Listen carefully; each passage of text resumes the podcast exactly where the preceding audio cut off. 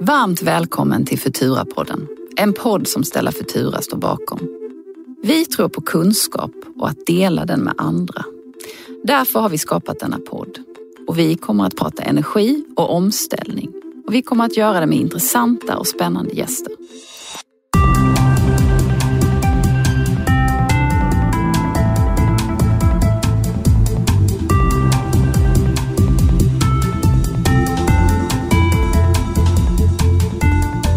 Vi kommer att finnas med er här är jag, Ulrika Tornerefelt, som är VD och grundare för Stella Futura samt grundare för Infra Futura. Och jag, Per Slingman, jag är eh, författare och rådgivare och har det stora nöjet att leda denna podd tillsammans med dig Ulrika. Det här är också det tredje avsnittet i eh, en liten, eh, vad kan man säga, en Afrika-trilogi vi haft i podden. Där vi började ju med att zooma in på Infrafutura, framförallt i Ghana. I förra avsnittet hade vi Gunilla Carlsson som ju tidigare varit biståndsminister, verksam inom UNAIDS och ordförande i Sida. Ja. Och idag har vi väldigt, väldigt spännande gäster, eller hur? Fin besök. Fin besök. Ja. Berätta. Josefin Sundqvist som är eh, generalsekreterare men man skulle också kunna säga att du är global VD för Läkarmissionen. Eh, och jag kan själv säga då, eftersom jag då har eh, varit vice ordförande SOS Barnbyar i Sverige, att skillnaden här är att det här är ju Läkarmissionen har ju sitt huvudkontor och driver organisationen globalt ifrån Sverige. Vilket har en poäng i sammanhanget med tanke på det vi ska prata om, nämligen möjligheter till samverkan kan man säga mellan det civila samhället och entreprenörskap och det privata och sådär. Och vad kan hända i det spännande gränslandet? Ja! Men med oss också har vi ju Jonas Jonsson. Eh, tillsammans med dig Ulrika, en medgrundare till eh, Infrafutura. Ja. Även Stella Futura, Även Stella. men eh, Infrafutura. Mm för att hålla korten rätt. Jag tänkte börja med dig eh, Josefin. Varmt välkommen. Tack så mycket. Eh, vi sa det förra gången när vi pratade med Gunilla, att hon har ju en, nästan en besvärande lång CV. De har riskerat att ta halva tiden för den och vi är nära. Vi är i samma härad. Men du är ju en väldigt känd profil i biståndsbranschen. Sida, du är disputerad, eh, jobbat i Svenska kyrkans biståndsarbete, växte upp i Kongo. Mm. Uh, om du har, åker i en hiss ungefär 15 våningar och måste dra snabbversionen av hur du landade ut där du är idag, vad säger du då? Jag skulle säga dels så är jag visionär. Mm. Jag har alltid levt för någonting större än det som precis finns här och nu. Framtidsfrågor, omställningsfrågor och jag har alltid velat vara en drivande kraft i att skapa en bättre värld, en, en hållbar värld. Och det började hos mig när jag var liksom ett litet barn och såg de otroliga utmaningar som fanns i östra Kongo på 80-talet när Mobutu var diktator där. Och jag fick se liksom barnsoldater, jag fick se situationen i gruvorna. Och eh, ända sedan dess så har jag liksom burit på någon slags inre kraft av att vilja se en förändring. Mm. Att det spelar roll vad vi gör med våra pengar, våran tid, vårat liv. Och eh, när man väl fattar det, då får man ett otroligt starkt driv. Och eh, jag tror just entreprenörskapet, att med alla resurser vi har så ska vi liksom driva på för en grön omställning. Och biståndet är ju en viktig bransch, en viktig pusselbit. Mm. Men det, det gäller ju att biståndet samverkar med övriga samhället. Mm. Känner du dig hoppfull? Mm. Varje morgon? Eh, inte varje morgon, men i det stora hela så drivs jag av ett hopp. Och det är för att jag också har förmånen i mitt jobb att få resa väldigt mycket och möta förändringsagenter som i de liksom allra svåraste tänkbara kontexter inte ger upp och eh, det är väldigt spännande för att den här cyniskheten är eh, väldigt farlig och den utbreder sig kanske allra mest i västerländska kontexter snarare än konflikt och fattigdomskontexter. Så just på grund av mitt, eh, mitt resande och min ständiga kontakt med förändringsagenter i, i fält så har jag ett liksom starkt hopp om att vi kommer kunna vända utvecklingen. Mm.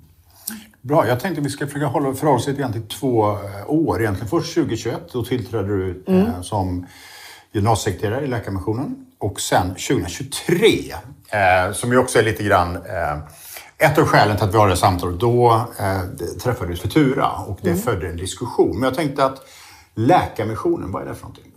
Ja, vi är en global stiftelse som har funnits sedan 1958 och vi är en av Sveriges ledande biståndsorganisationer. Och vi arbetar framförallt inom områdena eh, försörjning och matsäkerhet, hälsa, utbildning och vatten och sanitet. Och vi jobbar idag i cirka 25 länder. Men vi har ett särskilt fokus på Afrika söder om Sahara och de allra mest utsatta konflikterna där. Och eh, Läkarmissionen är ju en biståndsaktör som sedan starten på 50-talet har arbetat för det här begreppet empowerment som vi ofta har svårt att översätta på svenska, men egenmakt mm, är väl det närmaste. Och eh, vi har alltid kämpat för att Eh, skapa hållbara livsvillkor för människor att själva kunna driva sin utveckling framåt. Och det har ju blivit än mer på tapeten idag när vi pratar i Sverige mycket synergier just mellan eh, handel och bistånd. Mm, men ni jobbar långsiktigt, men jobbar också med katastrofbistånd? Händer det? Ja, så vi finns i hela spektrat. Så vi, vi finns liksom operativt på plats, men vi finns också strukturellt i det vi kallar ofta ett utvecklingssamarbete. Och på hur många platser har ni utvecklingssamarbeten? i princip i över ja, 20 länder. 20 länder. Och är det, är det i över 20 länder som ni är verksamma? Precis. Mm. Vi skiljer ut oss lite där som en svensk biståndsorganisation som också finns i fält och också är implementerande. Och det vi har sett är just att ska man förstå utmaningarna lokalt så behöver man vara i kontexten själv. Eh, det finns ju mycket av vidareförmedling i, i biståndet, det man kallar för contribution management, liksom handläggning av finansiering som går vidare i kedjan. Och det är viktigt. Det är viktigt att eh, man liksom finansierar lokala aktörer med svenska biståndsmedel och andra medel. Men det är också viktigt att vi från Sverige finns ute på plats, kan driva svenska innovationer, värderingar och eh, våra principer för en hållbar värld. Mm. Man pratar ju ibland det här att, att jobba top-down eller bottom-up. Mm. Eh, och att du har viss förkärlek för bottom-up-perspektivet. Och är det liksom ett utslag att vara i kontexten, att vara nära och att utveckla idéer utifrån de väldigt lokala förutsättningar som finns? Ja, spot on beskrivning. Eh, vi tror väldigt mycket på det här eh, konceptet som på engelska kallas co-creation, men på svenska ofta översätts samskapande. Vi tror att de bästa lösningarna, de arbetar man fram tillsammans med dem som lösningen berör. Och det är väldigt svårt att göra det om man inte finns på plats, om man bara är en vidareförmedlare av finansiering. För att när man sätter budgetar och skriver avtal har man förståelse för vilka prioriteringar som behöver göras. Och just utifrån principen om samskapande så vill vi finnas på plats och där hitta nycklar i kontexten. Mm, jag tänkte så här, innan vi går vidare så ska vi bara säga så här att vill man stödja Läkarmissionen mm. så eh, är det väldigt enkelt, eller hur? Man går in på, kan tänka mig, Läkarmissionens hemsida kan bli eh, månadsgivare eller ge ett bidrag eller bidra på andra sätt. Ja, och jag skulle vilja säga det. Jag är, ju, jag är ofta ute och liksom debatterar i biståndet om vikten av det här engagemanget som finns hos svenska folket i biståndet. Därför att det är lätt att vi tror att eh, eller liksom skattefinansierat bistånd via Sida ska vara Sveriges liksom bidrag och röst i världen. Men svenska folket kan göra så mycket mer. Jag tänkte, du nämnde ju Sida. Du har ju gått från Sida till Läkarmissionen. Mm. Hur var det sidobytet? Om man ska vara lite putslustig. Nej, men när man sitter på en myndighet, alla Mm. som lyssnar på den här podden och någonsin har varit inne i den svängen, så vet man ju att det är ganska stora Eh, ramverk, regelverk, regleringsbrev, system.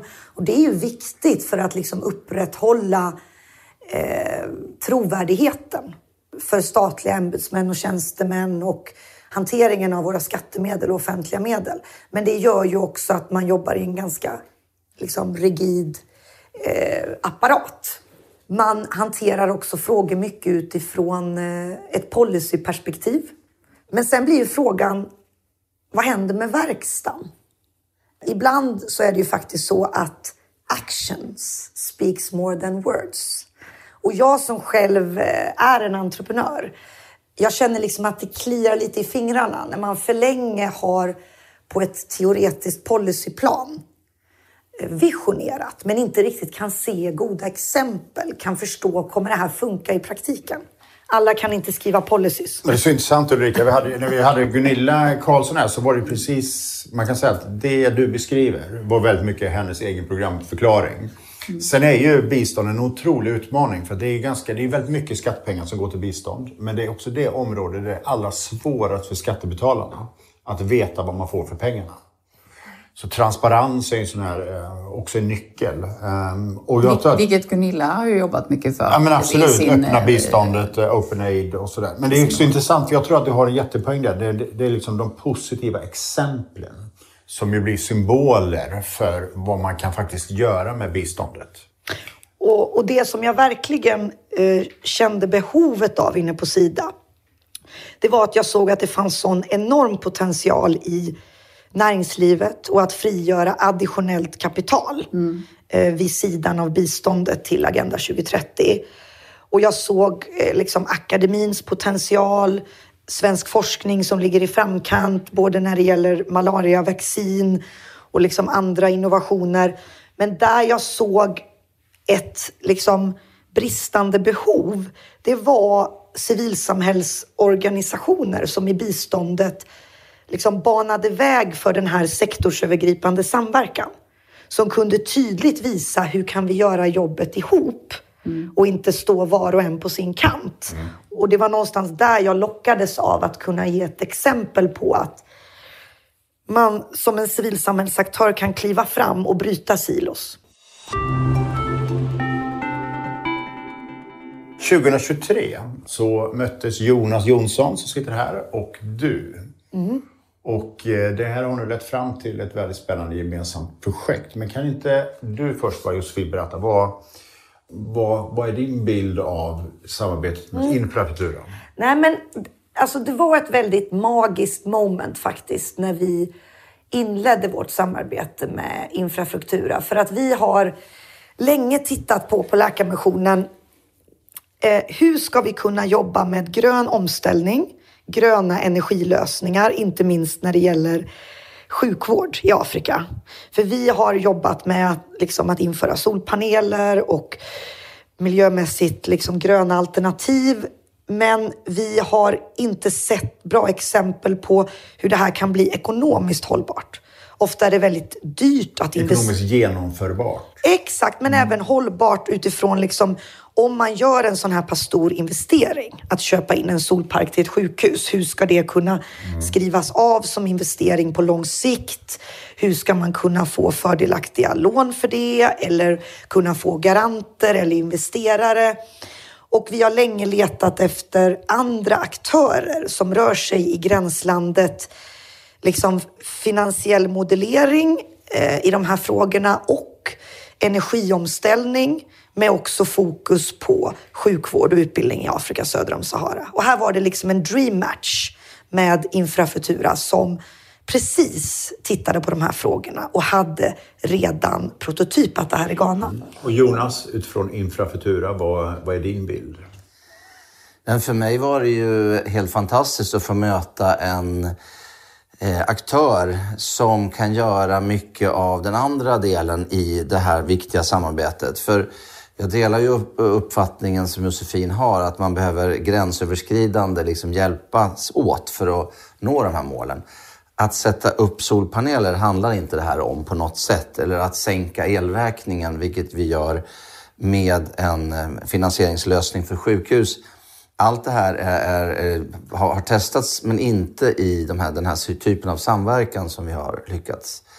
Och att ge aktörer, eh, off-takers, alltså slutanvändare på den afrikanska kontinenten en möjlighet att, att få en grön omställning till ett billigt, rimligt pris. Vi hade träffat flera NGOs och pratat med ganska många.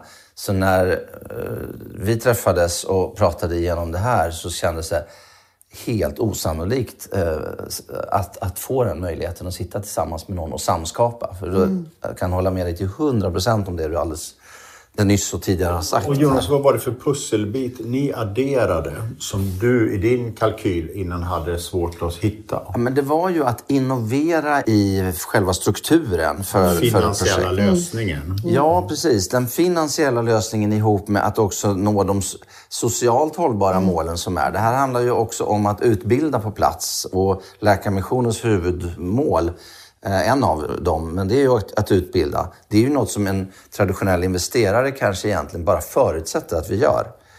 Och sen att, att, att vi installerar solceller eller mm. tar bort dieselgeneratorer eller ersätter del av, av, av dieselanvändning. Det görs ju med andra finansiella medel också, eh, med carbon financing och liknande. Så hela den här samverkan mellan olika delar som är en sorts treenighet som vi kallar för Trinity Impact Program mm. gör ju att vi, vi hade gått på varsitt håll och, och, och, och tänkt åt det här hållet. Men så, så trillade pusselbitarna på plats. Ja, och man kan ju också säga så att ni driver ju, alltså Läkarmissionen driver ju verksamhet idag. De är ett 20-tal mm. länder. Eh, Infrastruktura har ju verksamhet, exempelvis i Ghana med det är väl fyra eh, vårdinrättningar hittills som är liksom elektrifierade. Ja. Och någonstans så har man ju också de här exempel från verkligheten som man lägger ihop och ser vad kan det bli mer. Nej, men exakt. Och det som också var väldigt spännande i, i det här mötet, det var ju att vi båda var väldigt intresserade av att se vad finns det för skalbarhet? För tittar vi idag på Afrika som en kontinent så är det enorm grön omställning som krävs. Vi har världens liksom snabbaste befolkningstillväxt urbanisering. Och i det här så finns det inte tillräckligt idag med vårdplatser, så det är många nya sjukhus och vårdinrättningar som behöver byggas, men det är också många befintliga som mm. behöver ställas om. Och eh, i det här så kan vi inte uppfylla hjulet på nytt för varenda sjukhus. Eh, vi har inte råd att förlora en hel generation, liksom, utan vi måste hitta lösningar och metoder som är skalbara. Och jag tror att med den eh, iven och nyfikenheten att vara liksom på jakt efter lösningar som också går att överföra mellan kontexter i Afrika. Där hittade vi varandra. Jag tror den största eh, enskilda liksom, anledningen och där riktig kärlek uppstod i de här diskussionerna, det var ju att vi hade tydligt sett på Infrafutura att top-down modeller finns ju överallt. Alla fonder byggs ju uppifrån och ner för att de ska kunna säljas och fyllas på av investerare. Medan det är inte anpassat för hur pengarna ska komma ut och göra nytta. Mm. Och vi tog del av en massa eh, globala undersökningar där jag, jag vet, vågar inte säga hur många hundratals miljarder som finns tillgängligt för grön omställning mm. eller för elektrifiering och, och andra liknande projekt. Eh, men hur försvinnande liten del som kommer till nytta därför att de är för jag kan säga felaktigt strukturerade, de här mm. fonderna och strukturerna. Mm. Så, och bistånd är ju ingen undantag heller, för mm. att det är ju i princip likadant. Och då hade ni en, en helt annan modell och en idé där det är Eh, bottom-up som gäller, alltså att, att, att sätta projekt i, i verkligheten där den gör som mest nytta och därefter finansierar lite gränsöverskridande finansierar vi den här tillsammans eh, med väldigt viktiga instrument såsom eh, garantiinstrument och, och riskavtäckning och så vidare för att hålla ner, hålla ner priserna. Och där man kan säga att vi möttes är ju att vi båda har knäckt koden över hur ser välfärdsmarknaden ut i Afrika för utbildning och hälsa. Därför att det är väldigt lätt när vi ger oss ut i världen att vi jobbar med spegling. Vi tror att vi ska liksom spegla vår hemmakontext. Men tittar man på de flesta afrikanska länder så är ju idéburen sektor väldigt, väldigt stor. I många länder så står de för 30, 40, 50 procent av all vård och de jobbar ofta i offentliga och privata partnerskap, public-private partnerships. Vi tänker ofta från Sverige att det bara ska vara bolag om staten kontrakterar ut välfärdstjänster. Men i många afrikanska länder så är det en idéburen sektor och de behöver också mycket rådgivning i frågor som rör faktiskt eh, finansiella marknadsfrågor. Hur kan idéburen sektor i Afrika som driver sjukhus, hur kan de få tillgång till garantiinstrument? Hur kan de skriva fram investeringsplaner på längre sikt? Och där har ju vi sett på Läkarmissionen att våra partners efterfrågar den här typen av kapacitetsutveckling. Och det är någonting vi inte traditionellt har tänkt att vi ska ge civilsamhället i Afrika. Vi tänker mer att vi ska kapacitetsstärka dem i revisionsstandard, intern kontroll och styrning eller demokratifrågor. Men faktum är att det som faktiskt kommer från, från marken är, kan vi få stöd i att utveckla finansiella modeller, investeringsmodeller, lånemodeller och precis som Jonas sa så har man ju mer utvecklat garantiinstrumenten för en rakt igenom privat näringslivsmarknad. Ja, ja, så är det. Mm. Och sen såg vi rätt tydligt eh, att eh, Läkarmissionen befinner sig i 20-talet länder och eh, Infrafutura eh, i, i sex, snart sju länder och, och de är olika. Så vi befinner oss i olika länder. Det vill säga den kommersiella, gångbara marknaden där det går att bedriva den här typen av verksamhet med bara eh, investeringskapital eh, och, och inget bistånd kan inte möta bistånd riktigt eller samverka kring att vi ägnar oss åt den kommersiella delen kring solel med stöd från eh, exempelvis eh, carbon financing. Och de övriga delarna som vi behöver lösa, exempelvis skuldsaneringsfrågan som du tog upp och utbildningsfrågan, de skulle ju kunna samverka. För utbildningsfrågan och skuldsaneringsfrågan är lika stor var du än är. Eh, till exempel i ett land som Ghana eller i ett land som, som eh, Elfenbenskusten som ju inte är lika biståndsberoende.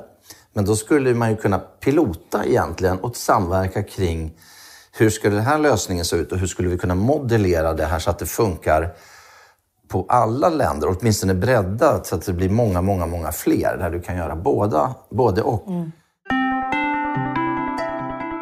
Det uppstår en bild när ni pratar här någonstans och det är det här att man är väldigt nära verksamheten.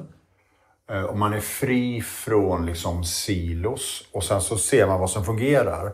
Och så på något sätt så skjuter man upp det och ser vad, vad av det är skalbart mm. i andra länder. Så det är ett ständigt lärande. Men lärandet sker inte i toppen utan mm. det sker i botten så att säga. Och det är det kanske det här som är annorlunda. Och man gör det därmed också utifrån hur verkligheten ser ut där. Jag tänkte på det här de här fyra vårdinrättningarna som Infrastruktur jobbar med i Ghana, det drivs ju också av en kristen eh, organisation, eller hur? Ja. Mm. Och det är liksom ett, ett annat sätt som, mm. som man måste docka in i. Och det, och det tycker jag är väldigt roligt att se därför att eh, de här sjukhusen i Ghana tillhör ju en Christian Health Association över, det är ju ofta lutherska, anglikanska, katolska kyrkor som driver sjukhus i Afrika och även utbildningsinrättningar. Och eh, de samverkar ju även i en eh, liksom pan-african plattform.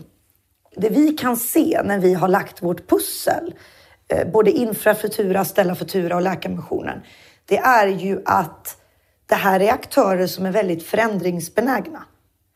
Ibland så tänker vi på religion i Sverige som någonting bakåtsträvande, från historien som är liksom konservativt.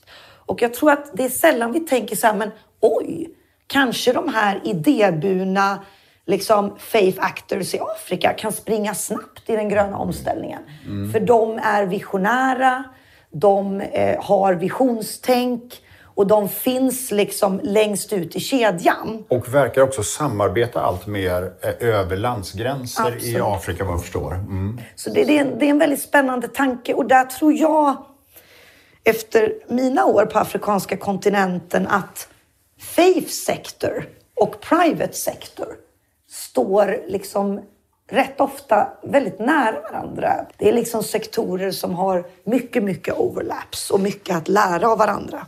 Vår organisation har ju, har ju drivits av, av eh, omställning och, och, och innovation. Och innovationen har ju till 95 procent legat på den finansiella delen för att använda den mest robusta teknik som finns, även i de kontexterna, men med den mest agila och mest finansierings innovativa lösningen har ju varit viktigare än att försöka hitta på någon ny teknik.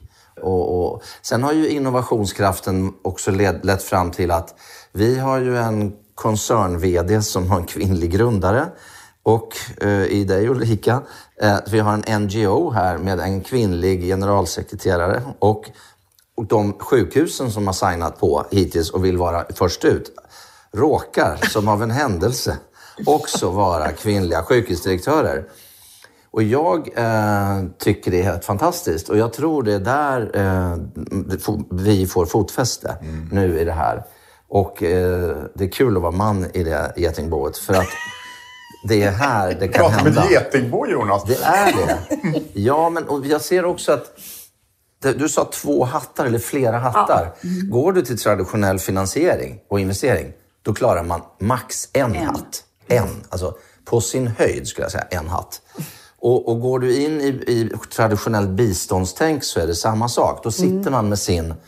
Eh, vi, vi skrattade åt här för några år sedan när vi hade ett stort solparksprojekt i norra Ghana som skulle ge solel till Burkina Faso i norra eh, delen, grannen. I det ena landet kunde vi få biståndspengar att täcka solparken, men vi ville och kommer att göra den med traditionell finansieringsmodell, men exporterar elen in dit.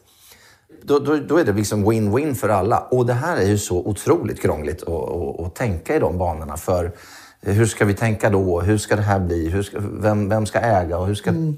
energiflödet gå? Och det är jätterimligt att man gör på det sättet. Men man kan bara ha en hatt på sig om man ska lyckas med det här och det är den lokala hatten mm. i samhället. Och det som jag tycker är så himla viktigt, det är ju att precis det du sa, Ingen vill vara biståndsberoende. Vi behöver liksom biståndet för att katalysera de här småprojekten. Testa, mm. göra fel, testa igen, göra rätt. Liksom någon typ av metodutveckling och inte minst kunskapsöverföring. Och där har ju vi hittills fått ta väldigt mycket risk. För det är inte förrän vi har bevisat att någonting har funkat då hoppas det mm. på både här och där. Så egentligen kanske det finns utrymme för en ny typ av mer finansiell NGO, eh, företagsstiftelse som hybrid. kanske... En hybrid. Mm. Som, som, kanske tar, som också vänder sig mot de kanske allra svåraste. Alltså lokala skuldavskrivningar, ja. tar risker i vissa fall och så vidare. Alltså det är precis här jag skulle vilja att man utvecklade både finansieringsmekanismer och nya metoder när vi pratar synergier, handel, bistånd i Sverige mm. och den nya reformagendan.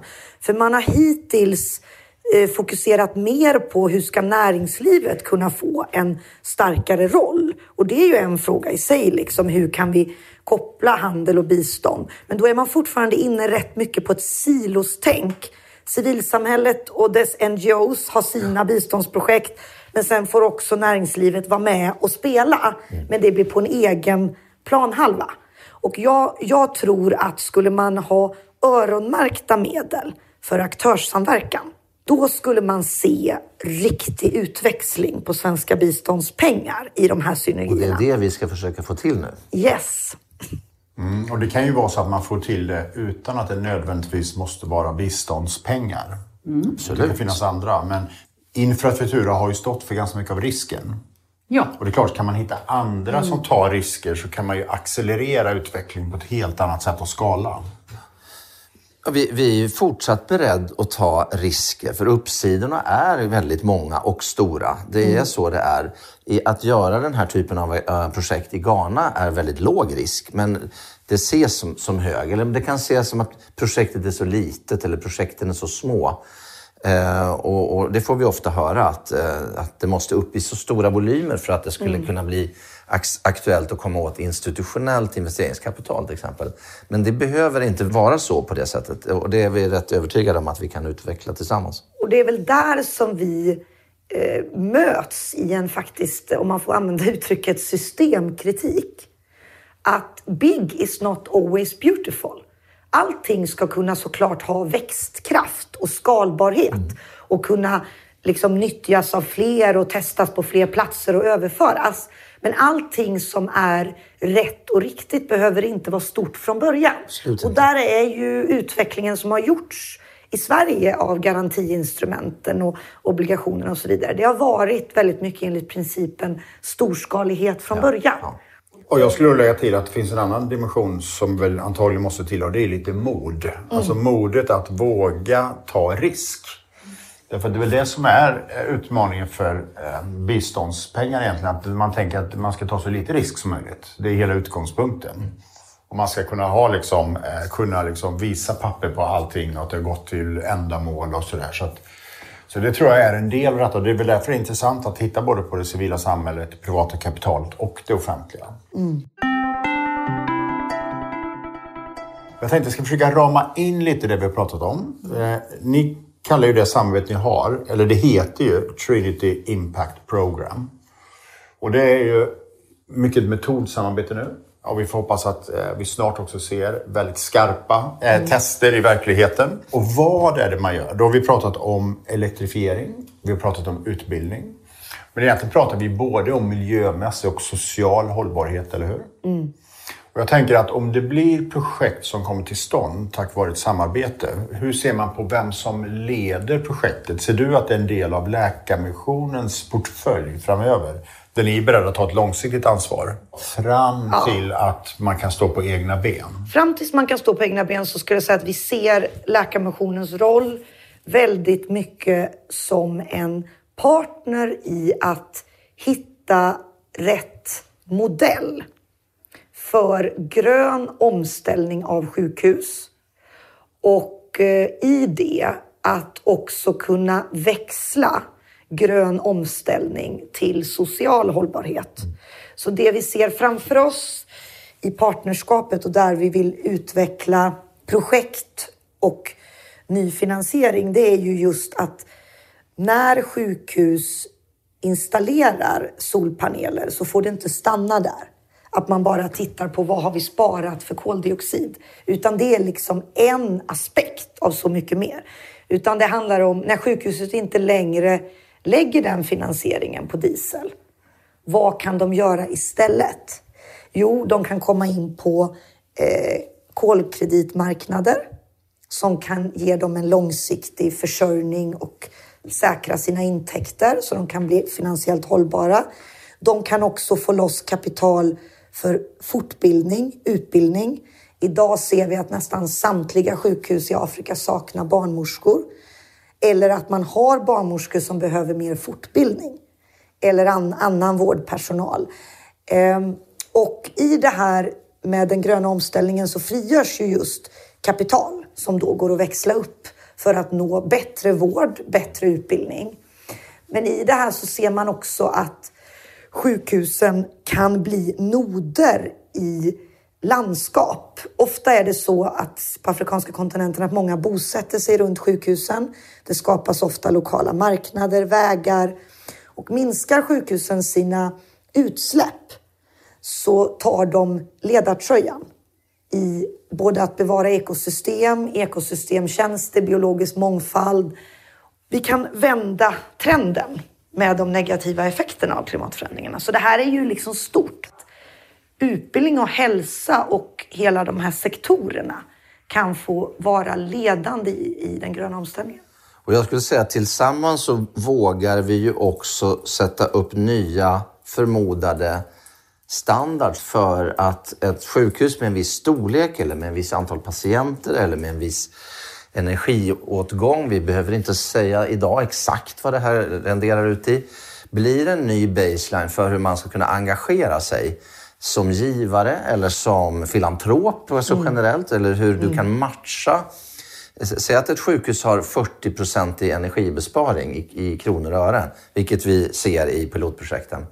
Då kan man ju matcha den pengen från annat håll mm. till att utbilda eller skuldsanera mm. eller att, att arbeta fram nya metoder för att göra det här mycket mer effektivt. Och med baseline kan man ju också säga egentligen att det, det, är också ett sätt att faktiskt höja hela nivån generellt på ja. hela kontinenten när det gäller synen på ja. hur, vad man kan åstadkomma med de resurser som vi använder gemensamt. Mm. Och jag har sett när vi har träffat eh, finansiärer eh, för att skala upp detta, som är många och de står på kö. Men deras sätt att, att utvärdera ett projekt, ett lyckat projekt, det är ju också att, att utvärdera med internationella stora top-auditors eh, som ska resa ner från Europa och, och, och, besöka varje plats. Det kostar nästan lika mycket som att göra eh, installationerna. Eh, vilket är någon, ett sätt som vi också måste innovera och, mm. och sätta nya standards för. Så att samtliga investeringar och samtliga engagemang som vi eh, tillsammans gör når så mycket nytta på platsen som möjligt. Och det tror jag att vi kommer att lyckas med. Och sen tror jag också att man behöver börja räkna mer på i modellering. Vad är volymen på de välfärdstjänster som civilsamhället i Afrika levererar? Mm. För det är enormt. Bara driften, om man liksom fokuserar på driftsfrågor. Och det tror jag vi har missat totalt i det svenska biståndet. Säger vi att vi ska mainstreama miljö och klimat i allt svenskt bistånd, vilket vi gör, som alla egentligen svenska biståndsorganisationer, då borde vi titta alla de partnerorganisationer vi har. Hur bedriver de sin verksamhet? Vad har de för driftsform? Om inte den är grön, vad är det för barriärer till den omställningen? Och då kommer nästan samtliga säga, jo, men vi har inte råd att investera i förnyelsebar energi. Nej, nej och då måste nej, vi nej. skapa tillgång till kapital för civilsamhället, för den gröna omställningen. Men som Jonas sa så måste man också titta på hur man kan hjälpa civilsamhället att lägga om ofördelaktiga lån. Många sitter i skuldfällor med räntor på runt 20 procent och det tickar och man har svårt att ha årsredovisningar i balans. Så det här liksom sipprar över från år till år. Och det vi gör i det här metodsamarbetet nu, det är att faktiskt se hur kan vi bygga kapacitet hos aktörer som sitter på nycklarna till att säkra vård för alla i Afrika, men med lite nya ingångar. Det här är frågor som det har pratats alldeles för lite om, tycker jag, i det svenska biståndet. Några av de sjukhus vi har tittat på kan ju vara skuldfria om tre till fyra år genom ett program som, som vi ser över nu. Och då kan ju de investera själva i en en utbildning eller en röntgenapparat eller en, en, eh, en vettig lösning för idag då en hjärtefråga för mig, kylda vacciner. Det doneras mycket vacciner, mediciner, men den eh, hålls inte kyld så den kommer ju fram verkningslös. Och det här har man, borde man kunna lösa väldigt, väldigt enkelt. Vi tänker ta oss an det, den utmaningen. Och har ju redan gjort och har det, redan kan man säga, om man tänker ja, bottom-up. Att hitta lösningar på det. Det finns lösning och det finns eh, hållbart sätt att investera i det här också. Jag tänker det är helt, jag måste säga, det är helt fascinerande här. här. Här sitter vi och pratar om det. Ni, ni började prata med varandra för, för det?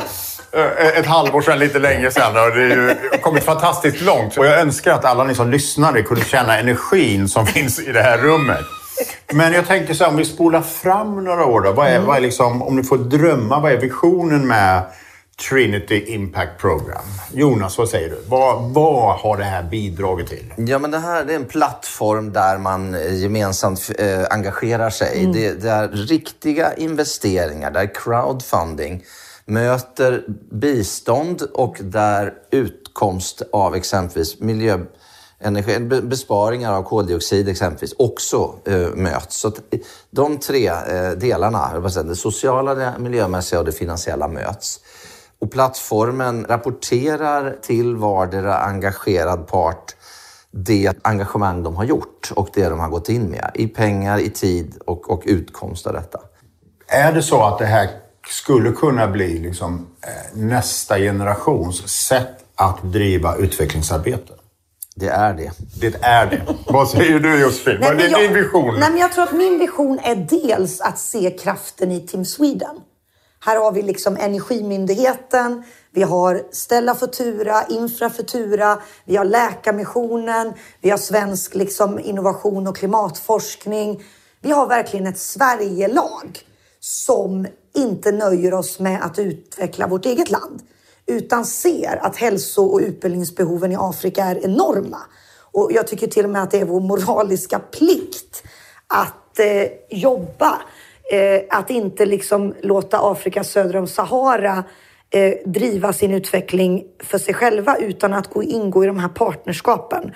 Och eh, i, min, i min dröm så nyttjar vi svensk innovationskraft men också med väldigt mycket respekt för den lokala kontexten. Och vi tittar just nu med Infrafutura i, i Ghana, vad till exempel är överförbart till Tanzania, där vi har jobbat just med solparker för sjukhus. Och vad är också kontextuellt just för Ghana? Med den respekten. Så allt kommer inte vi kunna skala och ha som färdiga lösningar för alla afrikanska länder. Men mycket i det vi gör kommer kunna nyttjas på stor skala. Men vi ska komma ihåg att småskalighet och storskalighet måste samspela. Och därför är också min dröm att de här instrumenten vi har i biståndet, allt från liksom garantiinstrument och så vidare, att det ska kunna bli mer tillgängligt även för ett afrikanskt civilsamhälle och nya afrikanska startups. Det ska inte bara vara väletablerade storskaliga bolag som kan nyttja det. Mm. Du Ulrika, innan vi, vi kommer behöva gå ner i landning här snart. Jag vet inte om du har någon, ja, någon ja. reflektion? Nej, men jag säger bara att jag är helt enig och jag fastnade på en grej du sa Josefin. Utbildning och hälsa kan vara ledare i den gröna omställningen. Mm. Exakt så. Eh, nej, jag har inget att tillägga. Jag tycker att det här har varit ett fantastiskt avsnitt att lyssna mm. på.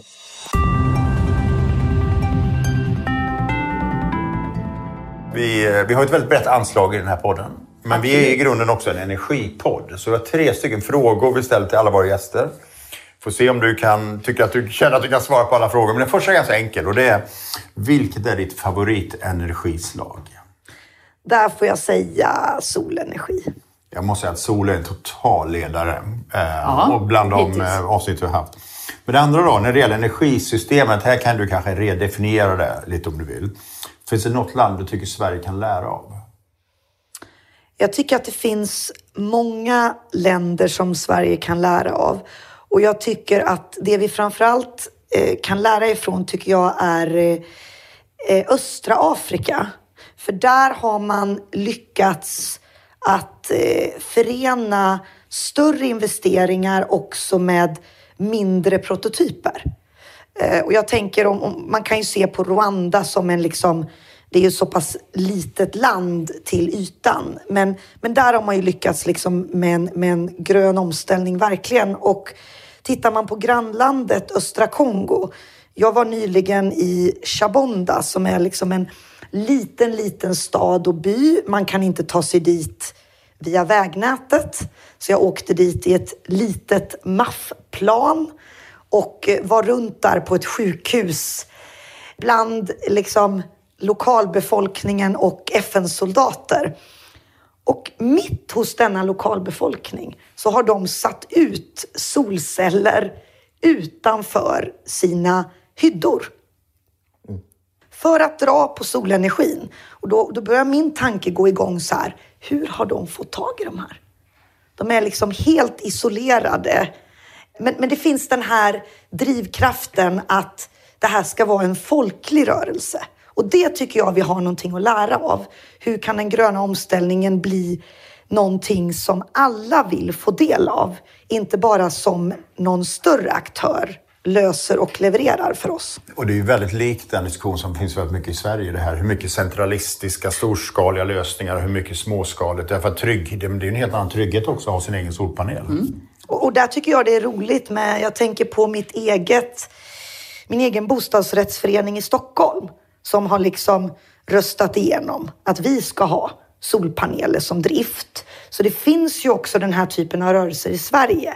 Men jag tycker Östafrika är en spännande region i energiomställningen. Mm. Den, det svaret har vi däremot aldrig fått Nej, på podden, det är måste jag nytt. säga. Mycket det är bra. nytt. Mm. Och, sist då, vad får dig att känna dig energisk själv? Det är att möta människor som eh, Jonas här i studion, som eh, drivs av visioner och drömmar.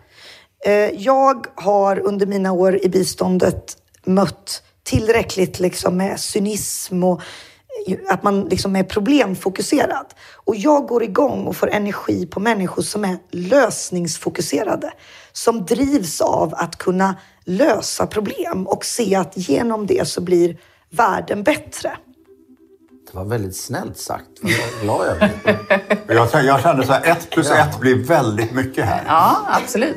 En, en enorm synergi sagt. har landat i det här rummet idag. Vi får ju tacka våra gäster så hemskt mycket för dagen, Josefin och Jonas. Eh, kära lyssnare, ni har lyssnat på Futura-podden. Vi tror på kunskap och att dela den med varandra. Därför har vi skapat denna podden. Hör gärna av er med idéer och teman till oss, gäster kanske som ni skulle vilja se i podden. Ni hittar oss på LinkedIn och www.infrafutura.com.